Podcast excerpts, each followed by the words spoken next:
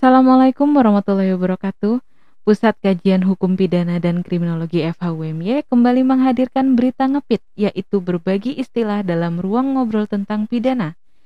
Istilah pidana kali ini adalah hukuman pidana disiplin. Hukuman pidana disiplin adalah hukum disiplin, hukuman dan tindakan yang dilakukan atas pelanggaran terhadap norma dalam suatu kalangan tertentu oleh orang-orang yang termasuk kalangan itu.